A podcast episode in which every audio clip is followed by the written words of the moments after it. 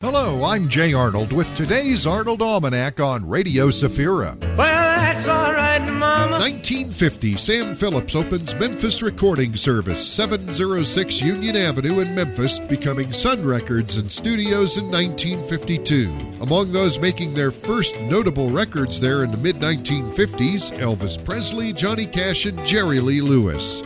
1988, John Dopyera, Slovakian born instrument maker who invented a wood body one cone resonator guitar called the Dobro in 1929, resulting in the growth of bluegrass music, dies in Grants Pass, Oregon. He was 94. Among rock musicians that also embraced the Dobro, George Harrison, who you hear behind me, Eric Clapton, and Bob Dylan. Sadly, due to lawsuits and the Great Depression, Dopyera never became rich from his colorful instrumental inventions, of which he patented 40. 2022, David Bowie's estate sells its songwriting catalog of over 25 albums and several singles to Warner Chappell Music for an estimated $250 million. Jay Arnold. 1970. In his first of four weeks at number one, B.J. Thomas, January 3, 1970. DJ Right here on Radio Safira.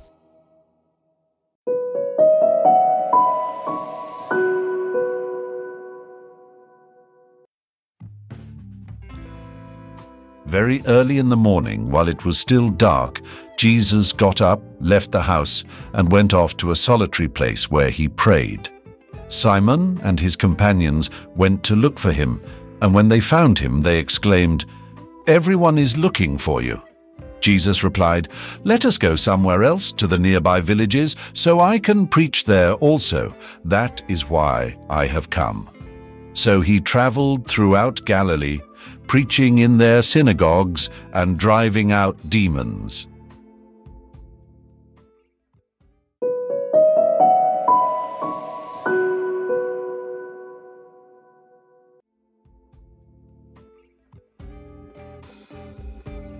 Today, the evangelist Mark presents us with an image of Jesus who behaves a bit differently than most of us early in the morning.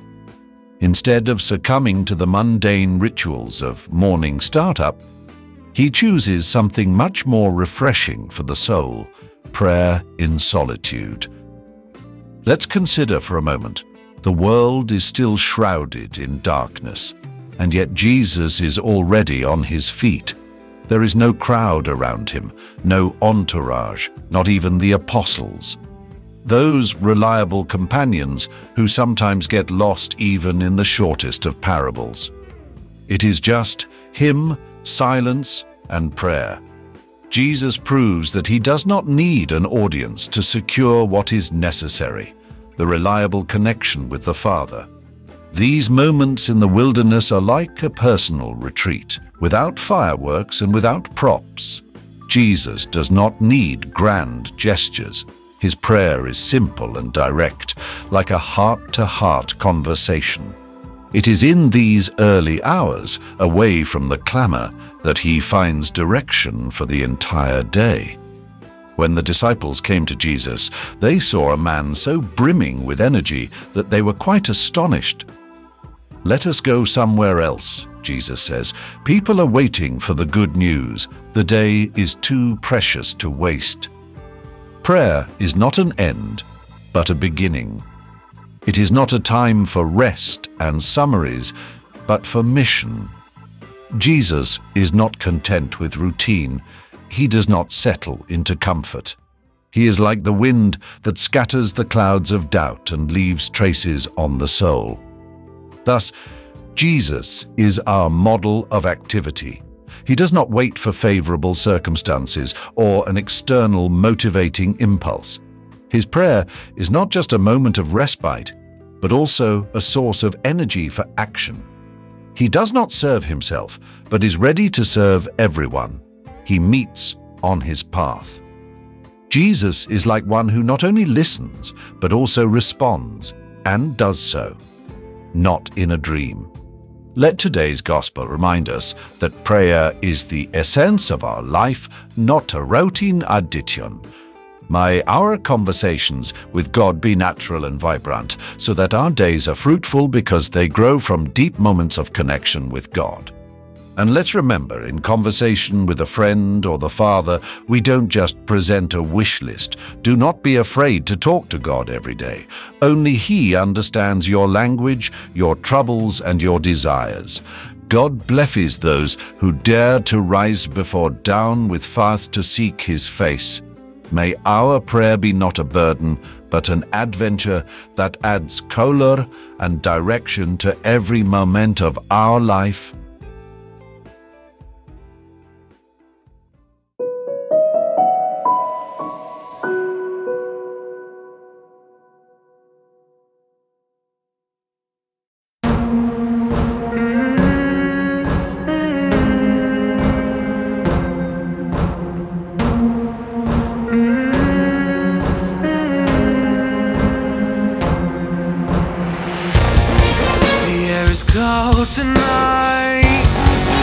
Gunpowder in my eyes. This is the eve of battle. Yes, I left my other life behind. All I can see is the front line. This is the eve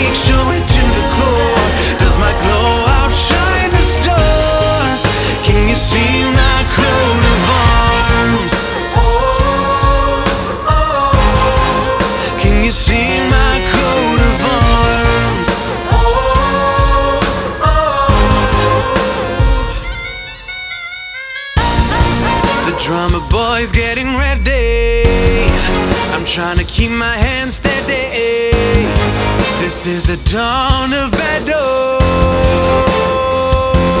Yes, I've never been this afraid. Forgot my family and my name. This is the dawn of battle.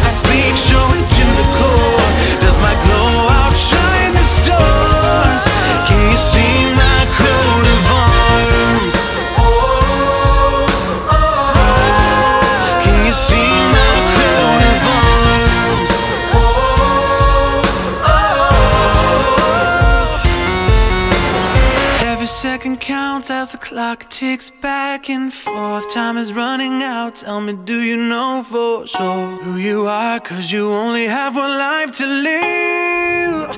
You only have one life to